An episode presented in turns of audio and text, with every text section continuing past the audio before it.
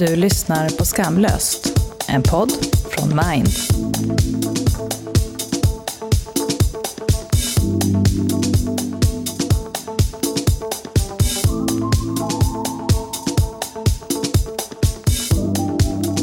Hej allihopa och välkomna till Skamlöst. Idag har vi med oss eh, Niklas. Hej hej! Hej hej. Eh, vem är du? Niklas Ekdahl heter jag. Jag är vit medelålders man. Jag är 55 år från Östergötland. Det hörs på dialekten. Men jag har bott i Stockholm i 30 år ungefär. Eh, journalist har varit för det mesta. Och eh, Mind här fick jag kontakt med förra året. För jag skrev en bok som handlade om eh, för fem år sedan hur jag råkade ut för en olycka och hamnade i psykiatrin. Och sådär. Och så jag pratade rätt mycket om den boken senaste halvåret kan man säga. Hur jag dog heter den. Eh, och, och då hade jag mycket hjälp av eh, Mind och Minds generalsekreterare för att ja, lära mig mer liksom och safea upp det här komplicerade ämnet med psykisk ohälsa och självmord som den också handlar om. För att inte liksom eh, göra bort mig utan att det skulle göra lite nytta. Så jag har haft jättebra, lärt mig otroligt mycket av Mind och, eh, och så. Så det är kul att vara här. Du är så välkommen. Tack. Men vad, jag, jag, jag reagerade direkt när du säger jag behövde liksom safe upp och lära mig. Vad var det du tänkte att du behövde lära dig? Det är en bra krok när det gäller skam. Ja, Att eller inte- hur? att jag inte- misstänkte att det Att här... inte göra misstag. Jag direkt. Precis, nej men, inte, nej men ja, det är ett bra exempel för att om du har ett allvarligt ämne, liksom, jag är van att skriva i tidningar och så har jag gjort länge liksom, som journalist. Eh, och man vill ju inte, ha, man vill inte göra fel så att säga, man vill inte ska, vålla någon liksom, skada i onödan. Till exempel genom att ha ja, fake news pratas det mycket om nu för tiden. Donald Trump, han har ingen skam i kroppen till exempel, va? då ser man hur det kan gå. Eh, och, och tar man ett allvarligt ämne då som, som självmord till exempel så där det har funnits de- delade meningar om hur man ska behandla det i media till exempel, hur man pratar om det för att det inte ska inspirera någon att göra det. Alltså vad, är lagom, vilk- vad är rätt nivå, vad är rätt perspektiv sen. Eh, och då tror jag, i ett sådant sammanhang så är det nog bra att ha då kanske lite, lite grann, ja, om man nu kallar det för skam, eller att du har, du är, man är försiktig med att göra misstag så att säga eftersom man vet att det kan skada någon. Liksom. Och då blir man väl lite källkritisk och självkritisk också. Så det är väl en positiv skam då inom rimliga gränser så att säga. Att man liksom försöker göra rätt om man säger så. Men det här är spännande för trots att du har varit journalist så länge och boken är ju självbiografisk. Det handlar om ditt eget självmordsförsök som, som var nära att du lyckades ju. Och det är utgångspunkten Ja, kan man säga. Väldigt bra och välskriven bok för övrigt. Tack. Ehm, men, men trots det så, så, så hade du tveksamheter kring hur du skulle närma dig ämnet när du hade skrivit boken. Var det? Absolut, både, alltså, dels det här stora perspektivet som jag sa att det var viktigt att, så att säga, ja, lära sig mer liksom, för att skulle, om man skulle berätta om det. Eh, men sen är det ju också eh, framförallt det, det stora grejen för mig var väl i förhållande till min familj och, och närmaste som ju drabbades värre av det här på sätt och vis än vad jag gjorde så att säga. När man eh, är sjuk länge och liksom jag tog en överdos så småningom och så. Eh, och, så jag väntade några år där med att skriva den här boken tills barnen blev lite större för att nästan fråga dem om lov kan man säga. Lite, jag involverade dem liksom i det här. Ska, vi, ska jag erkänna att det här hände? Berätta om det här. Mm. Eh, och så. Och det är klart, där hela vägen i en sån historia så finns det ju mycket skuldkänslor och sk- skamkänslor säkert. Va? Eh, Från båda håll kan jag tänka mig. Säkerligen, men som ju, det är också ett bra, bra intressant exempel på det sättet att det lättar ju ganska mycket när man pratar om det Ja. så att säga. Och att det är när man erkänner att någonting har hänt och sådär. Det är väl en allmän lärdom liksom att inte hålla masken och försöka förställa sig för mycket. Då blir det mer skam, tror jag. Mm, visst. Men innan vi går in på skam mer, vad har du fått för reaktioner på boken med tanke på urs, ursprunget skam?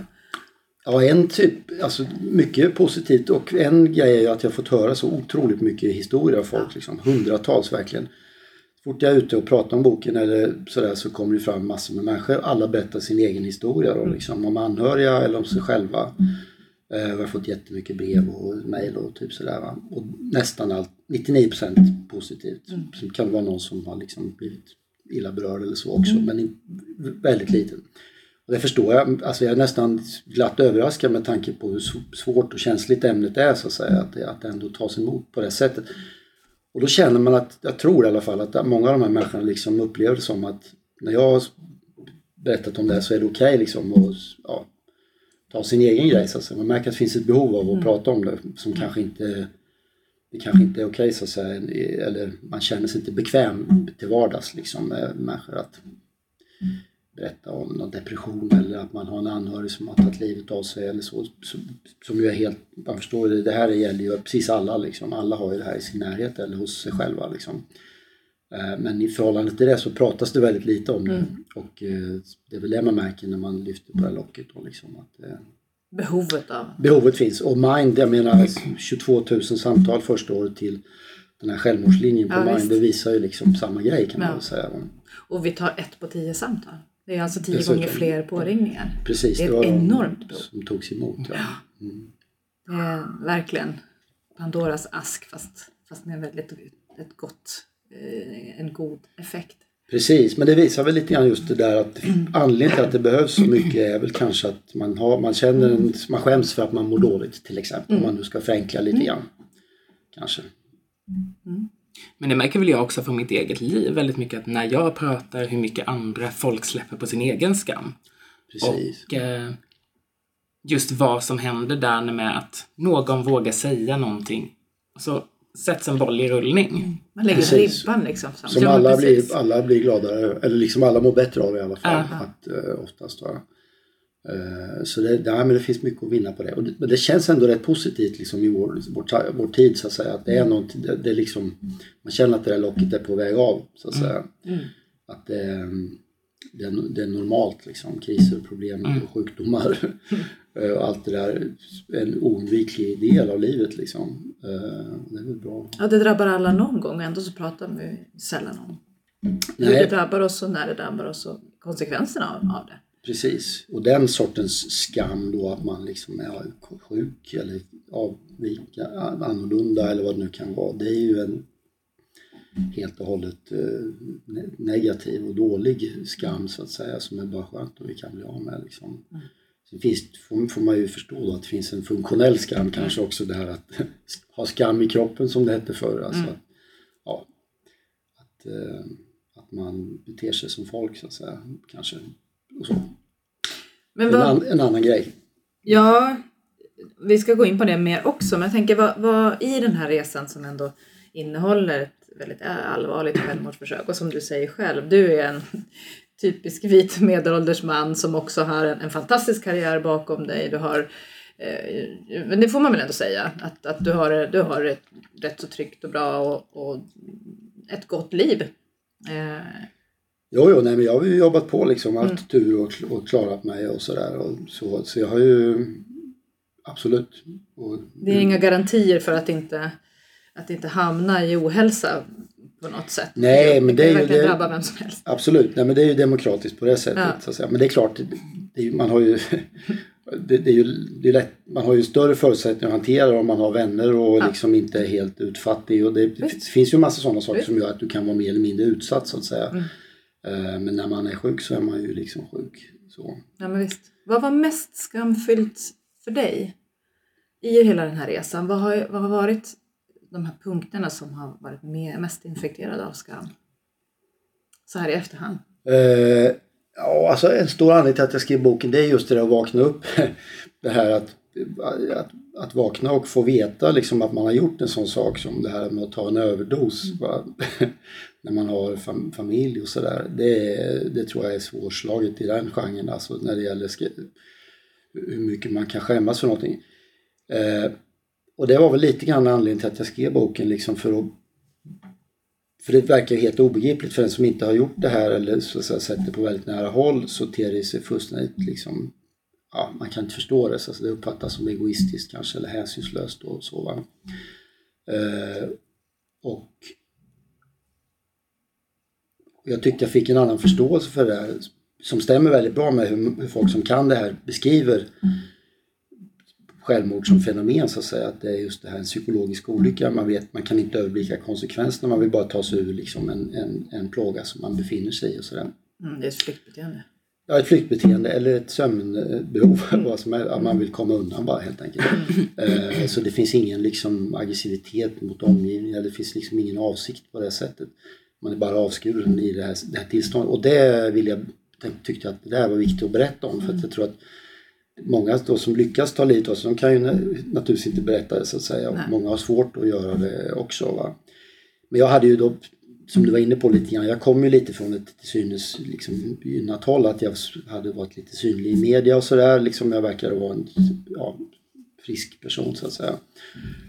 Så hamnade jag där och sen så blev jag så pass bra igen så jag kunde skriva den här boken. Och så, så då kände jag att det fanns en idé med att berätta hur, hur man kan hamna i den situationen. Så att säga, för att det kunde möjligen förklara det för någon annan kanske som har haft en anhörig som har gjort det här och sådär. Och det, ja, det har jag märkt på reaktionerna att det folk uppskattar det, eller hur man nu ska uttrycka att, eh, att de förstår bättre varför en anhörig kunde göra det här som de kanske har gått och funderat på liksom, i många år.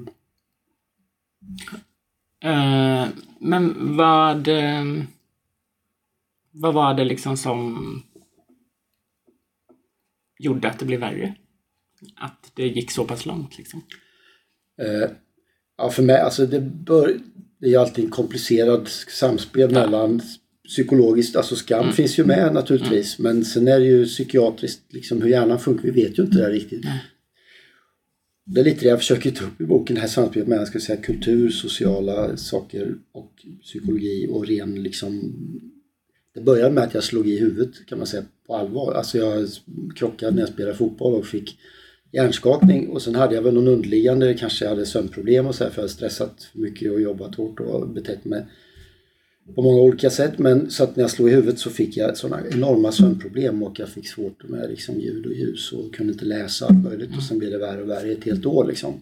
Måste nog dämpa handen bara. Slå. Ja, det blir ljud. Uh, så att det var ju en sam, var ett samspel mellan liksom fysiskt och uh, psykiatriskt. Men också säkert kulturellt så att säga. Att mm. jag då hade svårt att hantera det här liksom. Att mm. jag, jag fortsatte väl ner i depression då på något sätt för att jag ansträngde mig för mycket och försökte komma igång. Jag kunde inte acceptera kanske att jag var liksom sjuk eller skadad eller så det, det, är ofta en sån där samverkan mm. liksom mellan kropp och själ som är Först, komplicerad. Förstod du den processen, att, vad som hade hänt? För du förklarar ju väldigt väl efteråt. Men, men, men förstod du då efter skadan Eh, och när du börjar få sömnproblem och, och ljud och ljus och hela den här liksom ökade skörheten och känsligheten. Förstod du vad som, vad hände, vad som ja. hände? Nej, det kan jag inte säga. Det gjorde jag inte trots att jag kände massa läkare och var mycket hos, i sjukvården och sådär.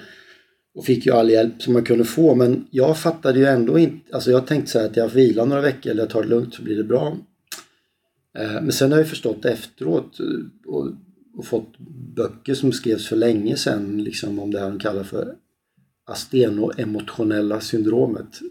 Eh, som tydligen är rätt vanligt. Alltså om du får en hjärnskakning eller om du har opererat. Det, det kan vara massa saker som gör att du får en efterbörd så att säga av allvarliga depressioner liksom efter någon sån här grej. Så det verkar vara liksom väldigt vanligt förekommande och jag har ju hört jättemånga historier av folk som har haft eh, olika så här kognitiva störningar och sömnstörningar och massa problem efter just att de har slagit i huvudet. Mm.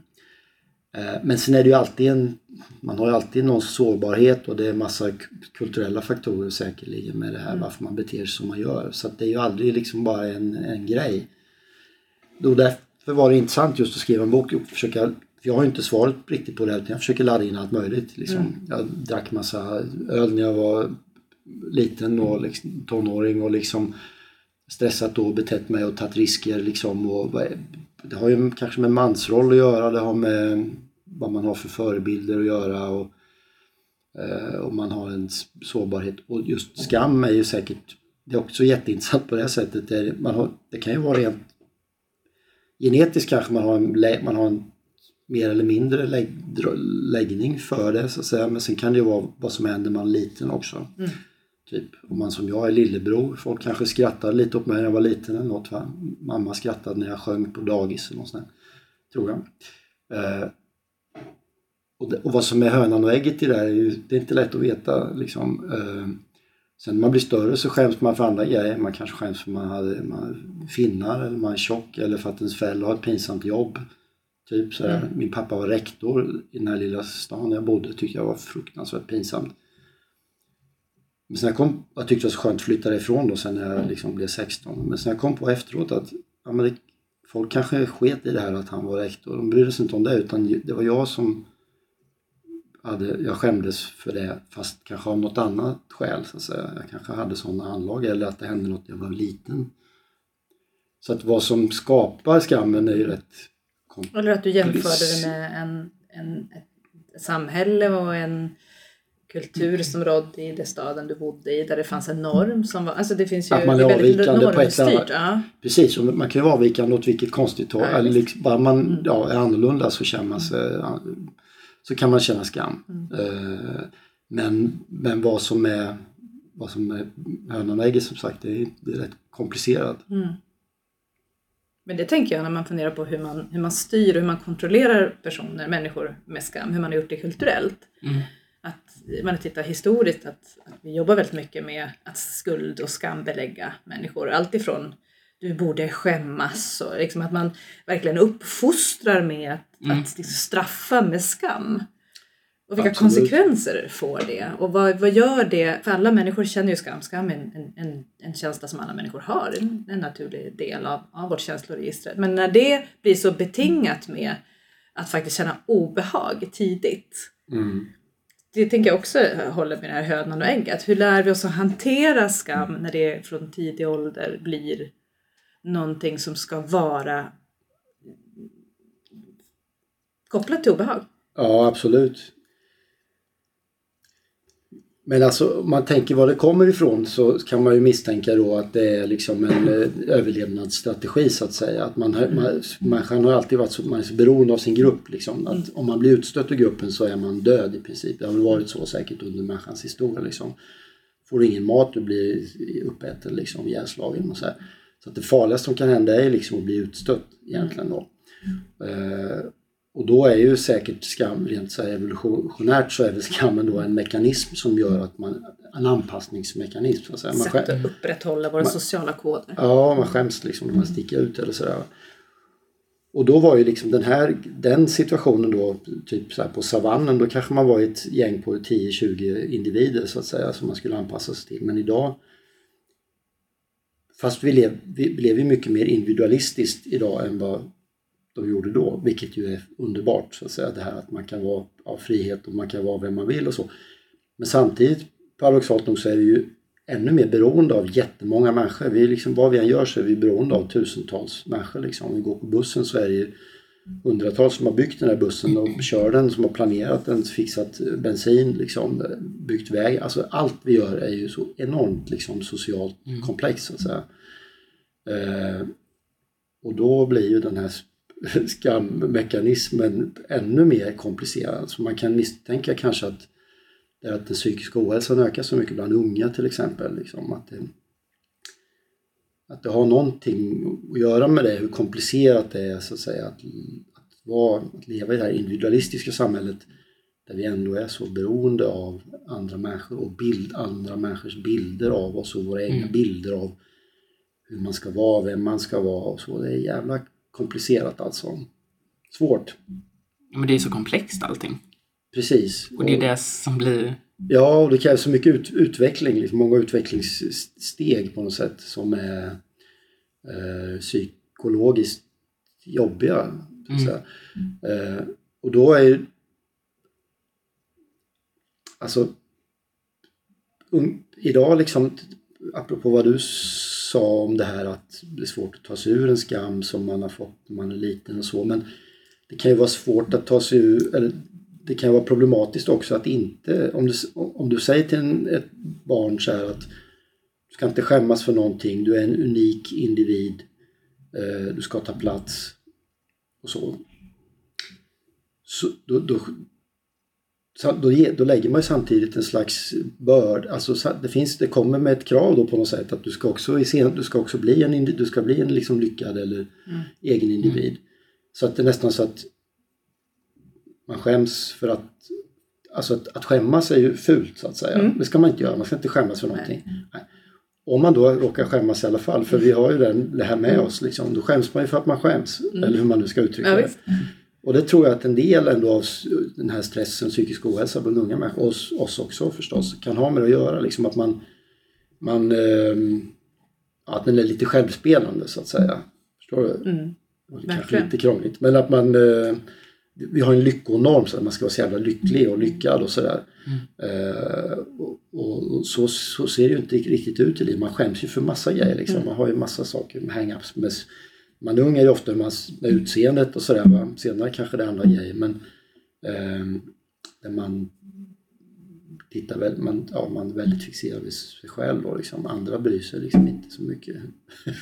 Mm. Nej, jag tänker att det är styrt till norm väldigt mycket. För jag tänker när du berättar att du skämdes, att det hade koppling till skam efter olyckan och fram till att du eh, försöker ta ditt liv så, så beskriver du att, ja, men att du får de här sömnstörningarna, du, du blir känslig för ljud, du börjar liksom bli mer och mer depressiv. För det påverkar ju din funktion. Ja. Absolut. Och, hur, och i din prestation. Jo, jo, Vad jo. händer med din identitet i det? Alltså, pratade du någonsin om det här i den processen med någon? Någon vän eller anhörig, någon läkare eller någon i det här. Vad händer under tiden? För här blir det en, ett spann av väldigt mycket skam. Innan man väl blir sjuk eller får en diagnos kanske. Eller det liksom, att det slår i botten. Men hela den här processen, för det är den som blir skamfylld när man håller käften. Absolut, fast jag pratar, liksom, prata har jag, jag, jag pratar ganska mycket så det hade i och för sig inga problem att göra. Eh, jag pratade ju med läkare och, liksom med, och jag hade också någon terapeut liksom, under en period när jag tänkte att det var liksom just det här att prata och, som var grejen. Jag försökte med allting så att säga. Eh, det hjälpte inte ändå men, men det fanns ju absolut en sån sida som du är inne på liksom att eh, man känner man blir, känner skam och blir stressad över att inte liksom stå på benen så att säga, leverera i förhållande till uppdrag som man har och framförallt kanske då sin familj och liksom eh, allt möjligt. Eh, så det finns, det, men det, ja, det tror jag finns med för de flesta som om man blir sjuk. Eller, och särskilt psykisk ohälsa som ju inte syns på samma sätt. Att liksom logga ur för att man har cancer eller något sånt där. Det, det accepterar ju omgivningen så att säga. Men eh, depressioner typ så här är fortfarande lite svårare så att säga. För att det, Oh ja. det, det, kan förefalla lite mer viljestyrt. Det syns ju inte utanpå på samma sätt. Va? Fast det är ju liksom fullt jämförbart. Oh ja. som sjukdom. Liksom. Men sen finns det olika grader i helvetet också. Depression är ju ändå, ja, det, den är lite lättare att förstå sig på av den breda allmänheten än schizofreni till exempel, eller psykossjukdomar. Det kan ju vara jättesvårt och, och väldigt skamfyllt att berätta. För det, det innebär någonting helt annat. Ja, tyng, jo, tyngre diagnoser. Ja. Men, och, och depression är ju också ett samlingsnamn för så många olika Ja, saker. ja, visst. Förstås, va? Som- Och samsjukligheten med andra är hög också. ja, just det. Absolut. Men att det, att det kommer med Mm. en, med en stor liksom, skam så att säga som är lite eh, självspelande och sådär. Mm. Det är ju ganska uppenbart så att säga. Och har du en tung liksom, diagnos så kan man säga att det kanske förvär- det gör bördan ännu Mm. tyngre då. Har du en lättare diagnos så kan ju den här skammen vara, nästan vara huvudproblemet Mm, på ett sätt. Att, att man blir sjukskriven och liksom har svårt att komma tillbaka i arbetslivet så här, för att man, man är så, tycker det är så pinsamt att man har säckrat ihop så att säga. Eh, Jag tycker man anar det på rätt många sådana här utmattningstillstånd och sånt där. Att det är, skammen är näst, kan bli liksom det stora Ja, det problemet så. så att säga. Men var det så för dig? Hur mycket skam kände du eh, kring dina egna liksom, förväntningar av livet? Eh, när jag var sjuk så att säga. Och Ja. ja. Alltså, jag upplevde det primärt som att jag hade liksom en hjärnskada. Liksom, att jag måste, det här måste, jag måste bli bra från den här skiten så jag kan liksom komma igång igen. Det var min huvud... Men i efterhand så att säga, när jag skriver den här boken, när jag tänker på det fem år senare så, så är det väl ganska uppenbart att det var ett samspel så att säga mellan faktorer där det här säkert var en, en del. Då, att man till exempel överanstränger sig för snabbt kanske då för att man liksom inte har tålamod liksom. Och då är man väl lite driven av dåligt samvete eller liksom eh, sådär också. Men hur, vad, vad betyder skrivandet för dig? Vad, Eh, ja, I det här sammanhanget så var det lite terapi, mycket terapi så att säga. Att det, det, och det är ju så, så är det med allting så här när man är journalist att man, det ger ju en slags distans till saker och ting. Det är ett, det är ett sätt att bearbeta om man är med om något jobbigt så här, eller om det händer jobbiga saker i, i ens tid så att säga, om man skriver om det så ja, då jobbar man med det så då har man ju en slags, då får man ju lite distans, då förlägger man det utanför sig själv, liksom blir professionellt på något sätt. Va? Eh, och det är väl lite, ja, det är väl inte annorlunda kanske än att skriva dagbok, det är ett sätt att skriva av sig mm. någonting eller typ sådär, så det behöver inte vara liksom eh, kopplat till vad man jobbar med kanske i och för sig, utan det är väl lite terapeutiskt. Jag tycker man märker ganska mycket på sociala medier och så överhuvudtaget att man, ja, mm. det är många som be, man bearbetar sina, sin sjukdomshistoria till exempel eh, genom att skriva. Det tror jag är jättebra. Kunna utbyta erfarenheter och sådär. Det är väl en fantastisk sida av liksom sociala medier som ju har många andra sämre sidor. Mm. typ Trumps twittrande och så. Mm. Eh, massa grejer. Men det här, just det här tror jag är jättebra. Eh, att det kan öppna för både egen terapi och utbyte. Så Igenkänning tänker jag framförallt. Precis. Otroligt starkt. Precis. Ja, men det känner jag verkligen att sociala medier har bidragit till. Mm. Att folk kanske sitter hemma och tänker på någonting sen sätter de ord på sina tankar eller känslor, lägger ut det och får en otrolig respons från sin omgivning. Mm. Precis. Och det är fantastiskt att alla kan göra det liksom. Ja, Medan, så det, det är ju en klar, klar uppsida. Och det måste, tänker jag, vara väldigt skamreducerande i sig. Dels för de som läser det här och känner men gud det är nog fler mm. och känner igen sig och, och jag är inte ensam. Men mm. också för de som lägger ut och får respons som du berättar om din bok och du, mm. i din historia. Jag föreläser också mycket som jag har mm. erfarenheter av utmattningssyndrom mm. eh, och långa och svåra. Och att just det här att det blir värt någonting. Att, att när jag berättar hemligheten, liksom det jag aldrig har berättat för någon, det var inte självklart att berätta, det tog lång tid, och får en respons så blir det också, då, slipp, då släpper jag på min skam. Då försvinner ja, den. Det blir verkligen win-win för alla inblandade och då kan man ta den här lilla procenten som tycker någonting annat för det är så många mm. som, som som, som det är värt någonting för. Precis, ja, men det, är, det är en bra sammanfattning. Men det, det känns ju verkligen som ett framsteg liksom. och då har ju det här Typ Facebook har ju funnits i 12 år ungefär. Alltså det om man ser i långa perspektivet så är det här ganska nytt så att säga. Så det är spännande att tänka på liksom vad det kan innebära på när det här har funnits i 50 år eller 100 år. Alltså det kan ju vara ett, de här, det här är ju faktiskt mest, kanske mest hoppfulla sidan av det på ett sätt. Mm. Det är mycket som är hotfullt också så att säga med liksom så politisk turbulens och fake news och allt det här. Va? Eh, men just det här är ju bara positivt. Mm. Men om vi tänker på så här begränsningar och skammen, skammens begränsningar helt enkelt. Vad har skammen begränsat i ditt liv?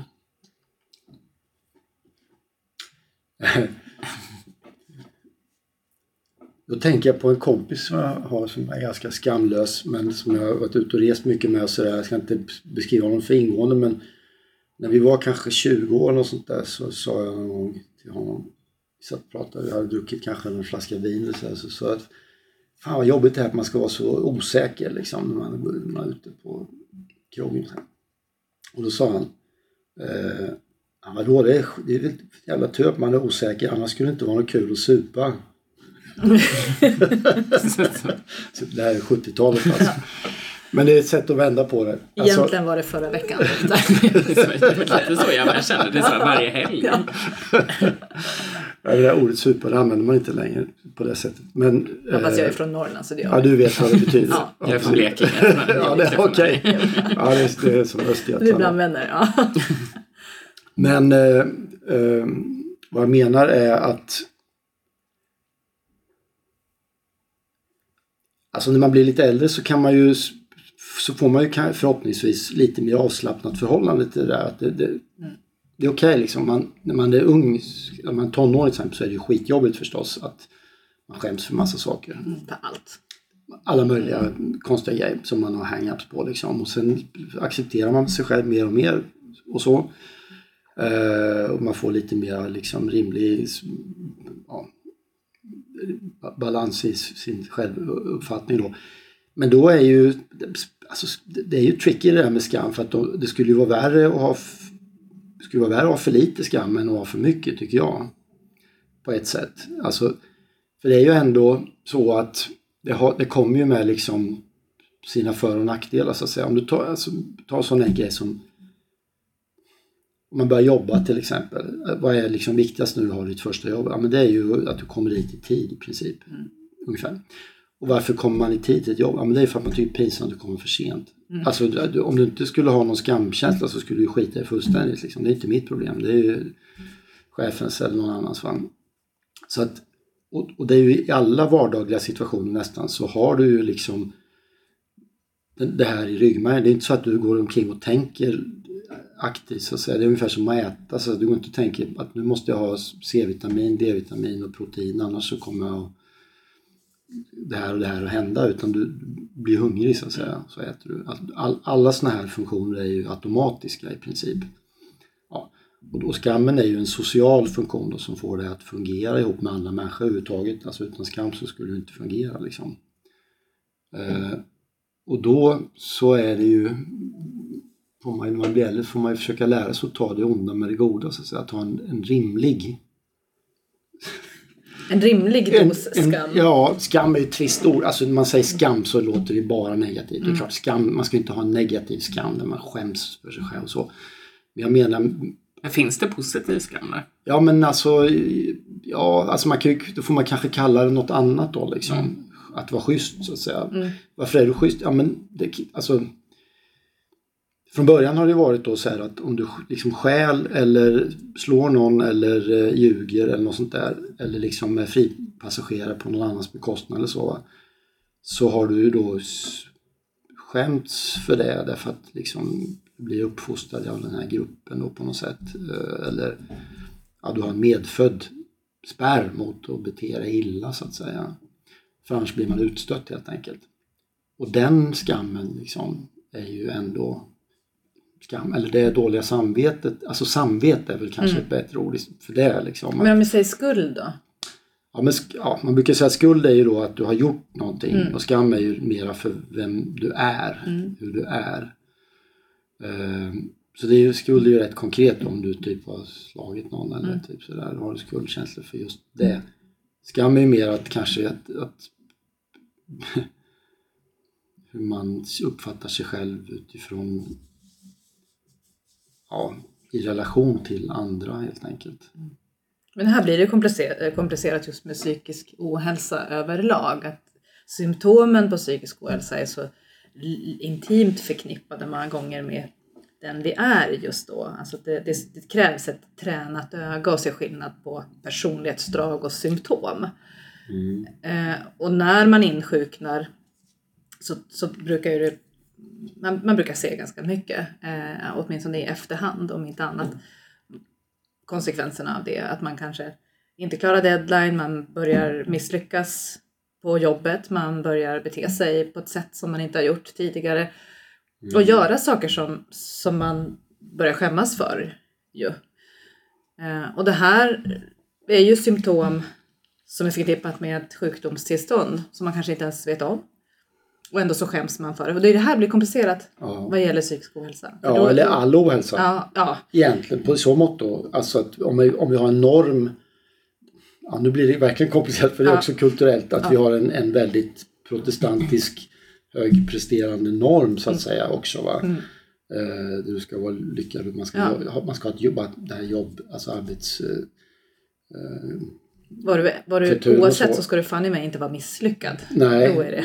precis. Eh, Men det är ju i någon mening olösligt. Alltså det är något man får hjälpas åt. Man måste inse kanske att det är en oundviklig aspekt av livet så att säga. Då. För att om du inte har någon skam då blir du ju som Donald Trump så att säga. Om, du, om du får veta när du är liten så här, ja men du är rik, du kan ju be- bete dig hur fan du vill liksom. Som han antagligen har fått veta. Och så har han gjort det. Eh, och dessutom blivit bekräftad i det hela sitt liv. det säger också något intressant om vår tid. Alltså att, mass, att medierna och, och till och med väljare och så, att man, blir, att man bekräftar den typen av beteende. Det är ju super, det är väldigt intressant ju, för att det är inte bara liksom ett fenomen i USA. Det, det är ju ett kulturellt fenomen i hela vår, eh, vårt samhälle på ett sätt. Och det är ju, det är ju liksom en, en ja, det är en, en dålig reklam för skamlöshet om man Mm. säger så. Eh, s- som kanske visar att det, det går inte att avskaffa skammen så att säga och ha ett bra samhälle heller. Men man skulle ju vilja avskaffa den dåliga skammen som gör att till exempel en sjuk människa Mm. skambelägger sig själv. Får lägga Såklart. energin på att bli frisk istället för att skämmas för sin sjukdom. Precis, precis. Men, hur, ja, men det är väl det vi liksom får... Man Det är därför vi gör det här. Ja precis, det är det. därför man får försöka bra jobba på det liksom. Skilja ut den, den ja, Vilka konsekvenser har skam fått för dig? Ehm, Ja men det är väl både bra och dåliga då kanske som sagt. Alltså att man har plågat sig själv i onödan på olika plan och till och med blivit sjuk då kanske ibland. Men sen att det då också, i- alltså om man nu kallar det skam eller samvete kanske är det så att det också funnits eh, ja, konstruktiva sidor i den då liksom. Eh, som har gjort att man har överlevt överhuvudtaget. Eh, Bara det. Eller kunnat eh, eh, uppfostra några barn och sådär. Det kräver ju också någon slags, eh, att man ändå är på, på plats liksom och, och har eh, mm, någon slags samvete och liksom eh, kompass så att säga. Annars så... Så att... Så i så må, alltså, ja, skam. Ett, om man tar det som ett vitt begrepp så att säga, med samvete eller så, så, så har det ju så är det svårt att, svårt att skilja ut det onda från det goda egentligen om man ser livet som helhet så att säga. Om man aldrig skulle ha känt någon skam så hade man ju, så hade ju gått åt pipan fullständigt så att säga. Mm. Eh, Så att det, man får liksom ta det onda med det goda tror jag, lite grann i alla fall. Mm. Men sen är det ju mycket liksom tur och, och det är livet är orättvist och så att många, det är väldigt många som känner en skam som man skulle önska att man inte behövde känna förstås. Eh, också. Men hur, hur, hur tog du dig tillbaks liksom?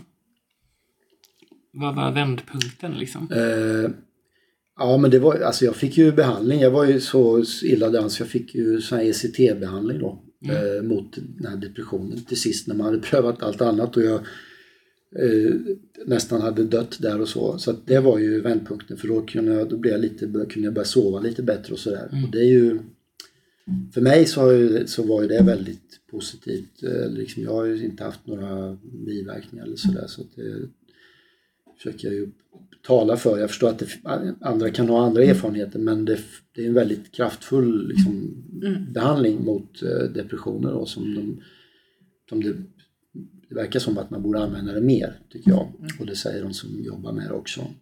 Och för de som inte vet, vad är det? Ja, det är ju så här el, alltså elbehandling då, man blir nedsövd så det är helt smärtfritt liksom. Och så får man, man har liksom kramplösande medel så att, men man, man ger liksom en snabb eh,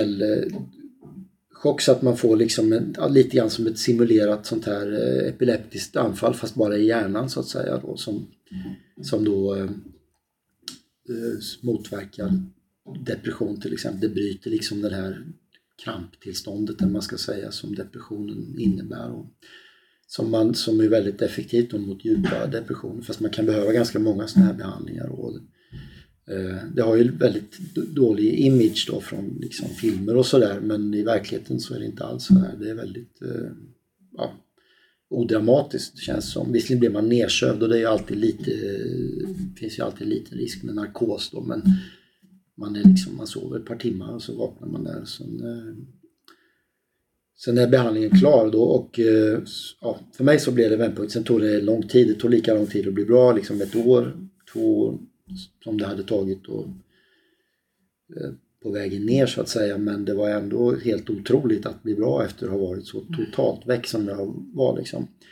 Och jag träffade ju många människor på den kliniken eh, där på den här ECT i Huddinge som alltså, ja, verkligen djupt deprimerade människor som man kunde se liksom, nästan från dag till dag hur de blir bra igen. Så att det är helt, helt otrolig grej. De som jobbar med det här, som ser det där liksom. Det är ett fantastiskt jobb alltså de gör. Hur ser den processen ut för dig? Hur, länge, hur lång tid tog det? Och... Eh, ja, jag fick väl sådana behandlingar i ett halvår, ett år kanske. Först ganska lite tätare och sen så glesar man ut Mm. de där då liksom. För att man inte ska falla tillbaka och för att bli trött och sådär liksom. Och då får man tvungen att fortsätta en del. Så att det, det pågick nog ett år kanske. Mm. Eh, man åker tillbaka dit. Men det är bara i början då som jag var inlagd och sen kom jag hem och så åkte jag dit kanske två gånger i veckan och fick det där. Eh, Så det var det konkreta men sen är det ju allt det där andra och bearbeta det som har hänt liksom om man äter mediciner och liksom att komma igång igen och med att orka träffa människor och sådär. Men så fort man börjar sova och orkar prata lite med folk och gå en promenad liksom, då är man ju på rätt väg på något sätt. Det är ju liksom det där att vända, komma ur sin bubbla som jag upplevde som väldigt fysisk. Att jag var liksom, jag klarar inte av eh, att se på TV eller läsa eller någonting. Hjärnan hade liksom lagt av helt och hållet. Eh, som det kan vara då med, ja, det, kan, det är väl djup depression som är själva diagnosen så att säga. Fast man upplever det som en hjärnskada i princip. Helt dement. ja exakt. Men var det självklart för dig att prata om den här processen under tiden? Visste de om det på jobbet? Visste dina nära och, och längre vänner, längre vänner långt ifrån? Hur många visste om det? Hur- Vad var din innersta krets? Eller fanns det någon sån? Ja, i och med att jag var, blev så pass dålig och inlagd och sådär, då hade jag ju besök av vänner och lite så. Så att det, folk visste nog om det där. Men var det pinsamt då när de kom? Åh nej. Ja, det var, ja, det kan man säga. Det var det ju. Jag var ju så pass liksom... Här ligger jag på psyket. Ja, jo men absolut. Det var det ju verkligen. Eh, hela situationen är ju jobbig. Ny. ja, nej men, men, men jo, alltså det finns många dimensioner av skam i det så att Ja. säga. Liksom, eh, och hela, alltså hela psykiatrin, de gör ett fantastiskt jobb och så men det finns ju någon liten känsla av straff så att säga också i det. Alltså från början så var ju psykiatrin, liksom, det var ju en del av det var inte en del av medicinvetenskapen utan det var en del av vad heter det, fångvården va? för 100-200 år sedan. Alltså man straffade dårar så att säga och för att de skulle skiljas ut från liksom resten av samhället. Och sen är det ju de sista 1900-talet som det blev en, en medicinsk vetenskap. Man liksom tänkte att folk är sjuka, vi ska hjälpa dem. Så här. Men när man blir inlåst och övervakad så att säga, på sluten psykiatrisk vård så oundvikligen då liksom, så känner man ju sig lite grann bestraffad. Ja. Det ligger ju i sakens natur för de, de ska ju då hindra en, det är ju människor som är suicidala liksom, de ska hindra dem från att ta livet av sig. Och då eh, svårt att komma ifrån den känslan och den späder ju på det här, eh, den problematik man har såklart, att det är så obehagligt. Va? Men det är en jättesvår balansgång om att gå då mellan liksom att vå- vårda och trösta och sen också övervaka och förhindra folk från att ta livet av sig. Så jag förstår att det inte är lätt men, men det, det, kan man ju snacka om att man känner skam så att säga när man blir inlåst där. Ja. Men hur var det då? Du ringde till jobbet och bara, jag kan inte komma för jag ligger på psyket. Ja, jag var ju liksom för egen, jag var ju frilansare så jag hade ingen, inget jobb då. På gott och ont så att säga. Det var, ju, det var ju skönt på ett sätt, eller skönt men man är mer utsatt. Alltså så här, kanske på vägen ner när man plötsligt inte kan jobba längre. Då kan man inte heller försörja sig så att säga. Om man är frilansare så blir man kanske ännu mer stressad på ett sätt. Sen kan man gå längre också tänker jag. Det är ju jäkligt smidigt att slippa visa upp för någon hur man mår. Det tar ju mycket längre tid innan kollegor, Jo. eventuella kollegor märker något då. Om man inte har några. Så kan det vara. Har du en stor arbetsgivare, så att säga, ett stort företag eller myndighet eller något där så finns det ju också, då drar du igång massa olika mekanismer för att hjälpa folk lite grann och du har sjukförsäkring och sådana grejer. Så att man är ju, man är, som är, när man är egenföretagare så typ, så är man ju mer utsatt på det sättet. Men samtidigt är det ju rätt skönt att just inte ha den här sociala kontrollen och skammen som det kan ligga i att vara långtidssjukskriven Ja. eller något sånt där. Så att, och det är ganska individuellt, hur man, vilket jag föredrar ju friheten framför tryggheten. Mm. Även om jag varit anställd lång tid innan då liksom. Men eh, nu, ty, nu tycker jag det är värt liksom den risken. Så att jag inte, även om jag tror kanske att jag blev sämre av just att inte ha någon sån backup när jag råkade ut för det så tycker jag ändå att det är värt det liksom på något plan så att säga, att vara fri så. Finns det någonting som hade kunnat reducera din skam?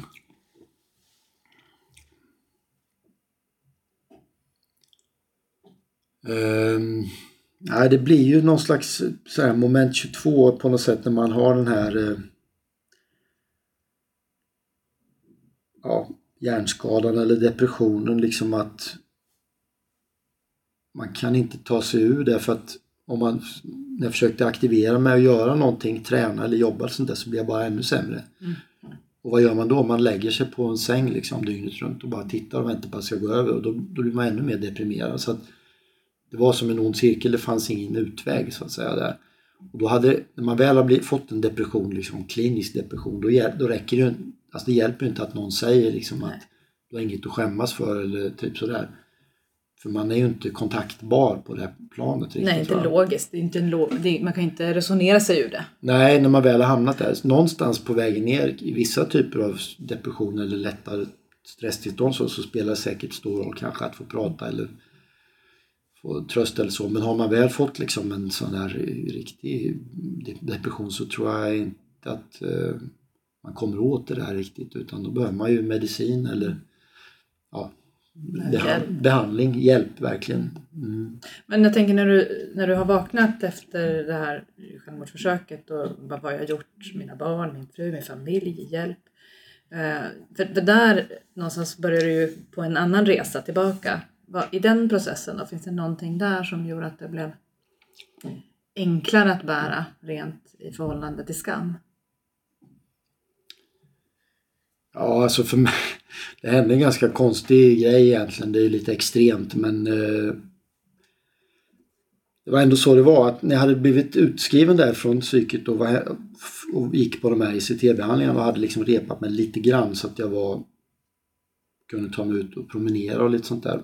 Då ringde det en dag, då ringde de från SVT i Göteborg och så och, och, och, och då sa jag att ja, men om ni vet att jag ska med i det här debattprogrammet ikväll så kan jag nog inte för jag är sjukskriven.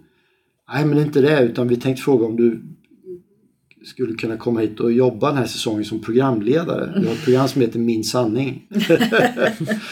Eh, och för jag hade ju jobbat lite så med tv och journalist och sådär. Jag tänkte, ja.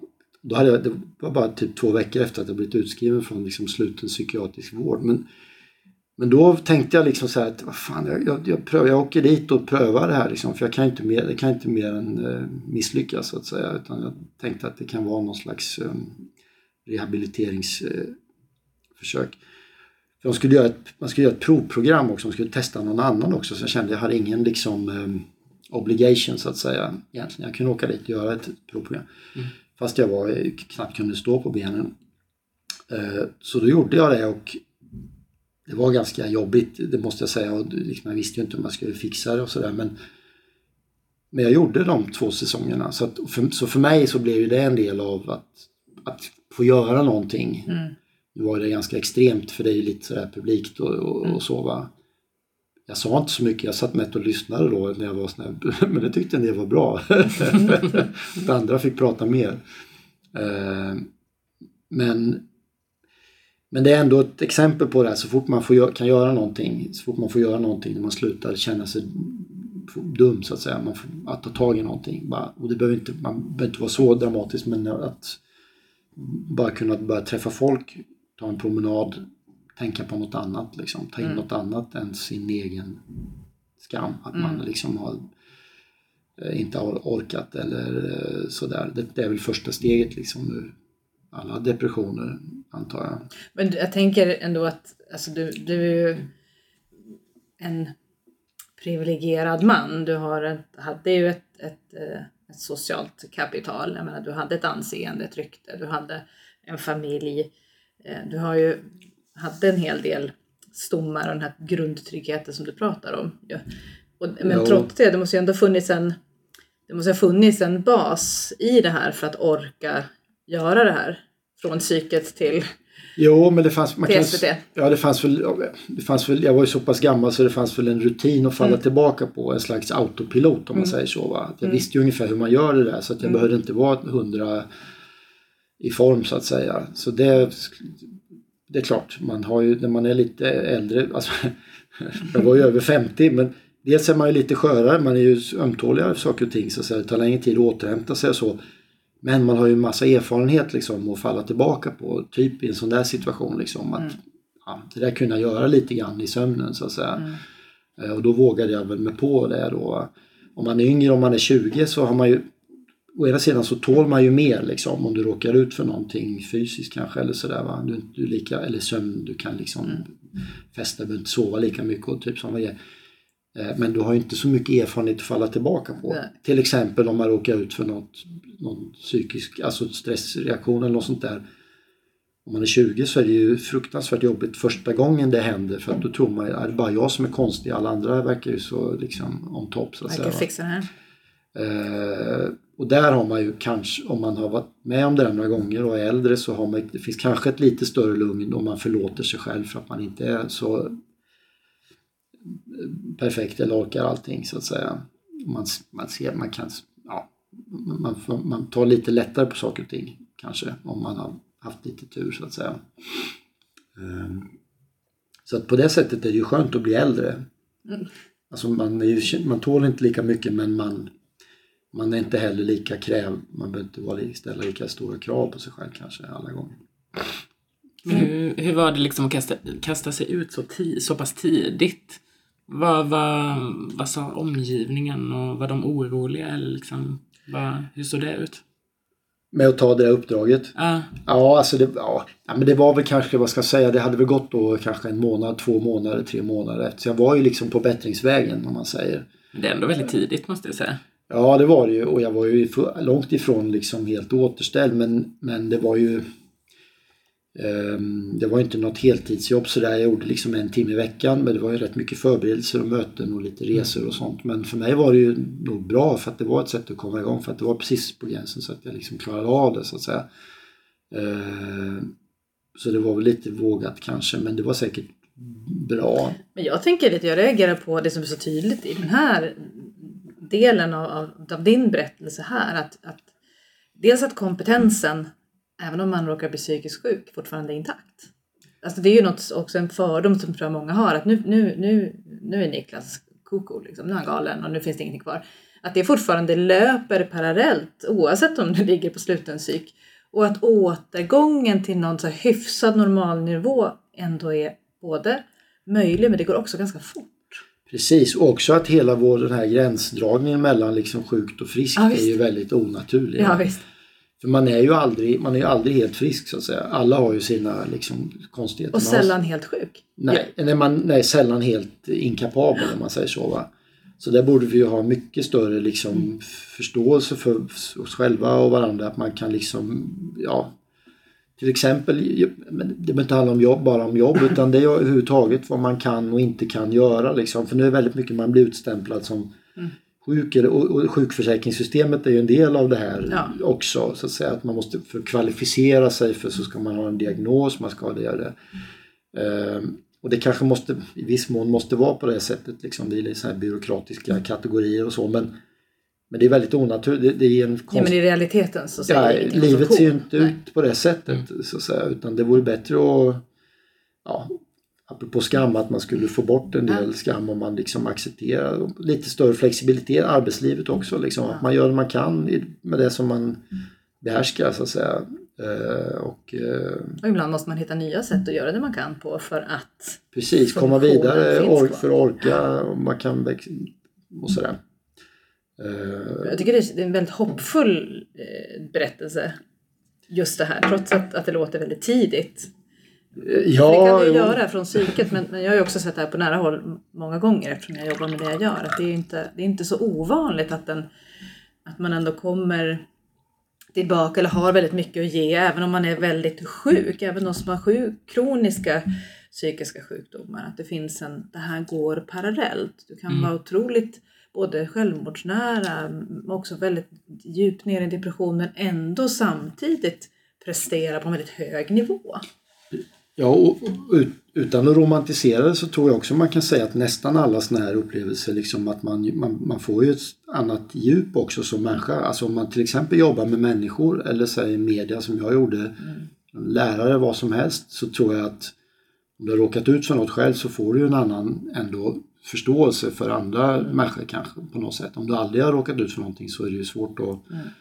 sätta sig in i det. Så att, ja, jag tror att man i väldigt många sammanhang, både medmänskligt och yrkesmässigt också kan vända det till en erfarenhet som man har nytta av, som andra har nytta av också. Och då kan man ju se, då kan man också se det på ett annat sätt. Så att det är en erfarenhet som gör mig rikare faktiskt efteråt. Va?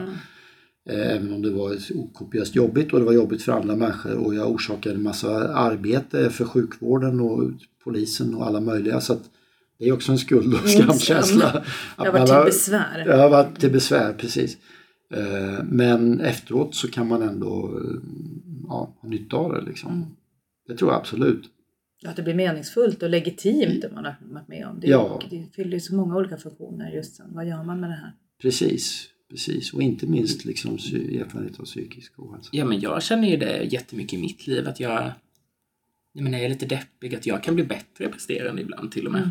Inom vissa grejer. Precis. Eftersom jag jobbar väldigt mycket med konst och skrivande och att jag blir, jag vänder så negativa känslor eller kanske ångest till någonting positivt, till en energi istället. Precis. Eh. Ja, men det finns ju ingen kreativitet liksom utan någon mörk sida så att säga eller något sånt va. Mm. Utan, så det är ju det, går, det är svårt, det hänger ihop liksom.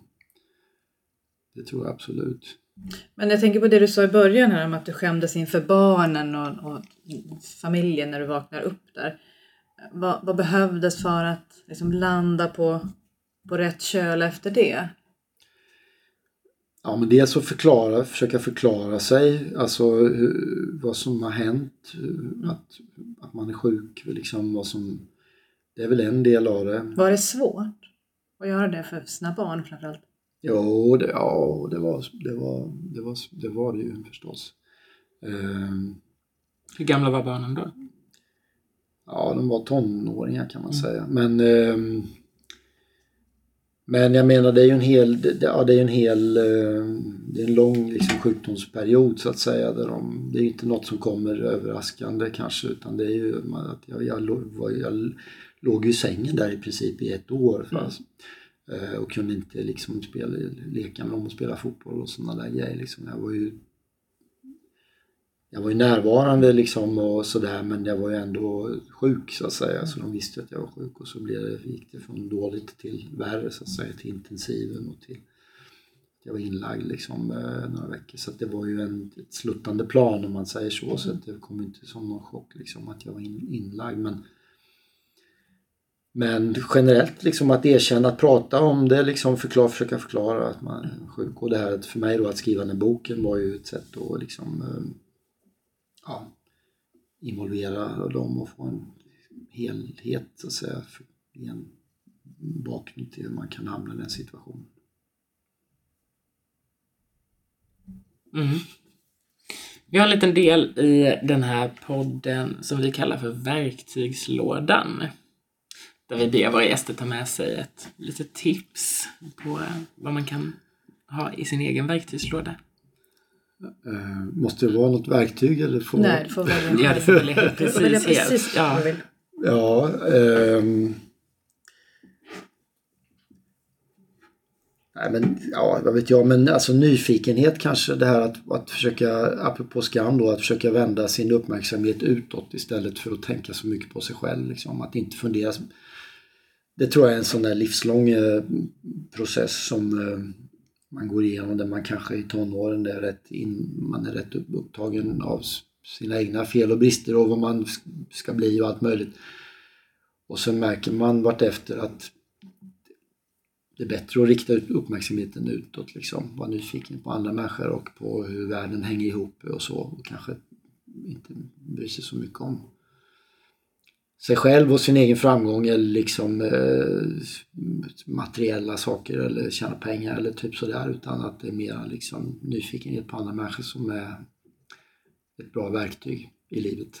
Ungefär. Eller konst som du, som du säger, skrivande. Att skapa saker och för någon, som, har, som är till glädje för någon annan. Liksom.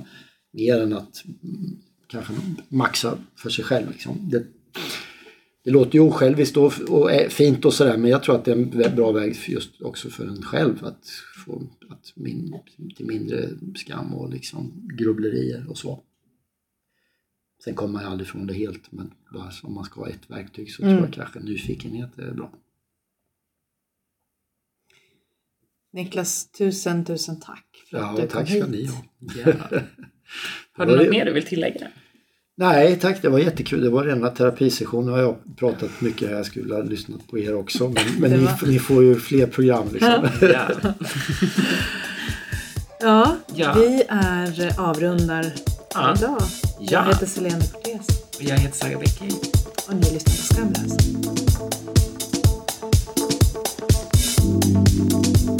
Du har lyssnat på Skamlöst. Vad är skam för dig? Berätta på Mind Forum. Gå in på forum.mind.se.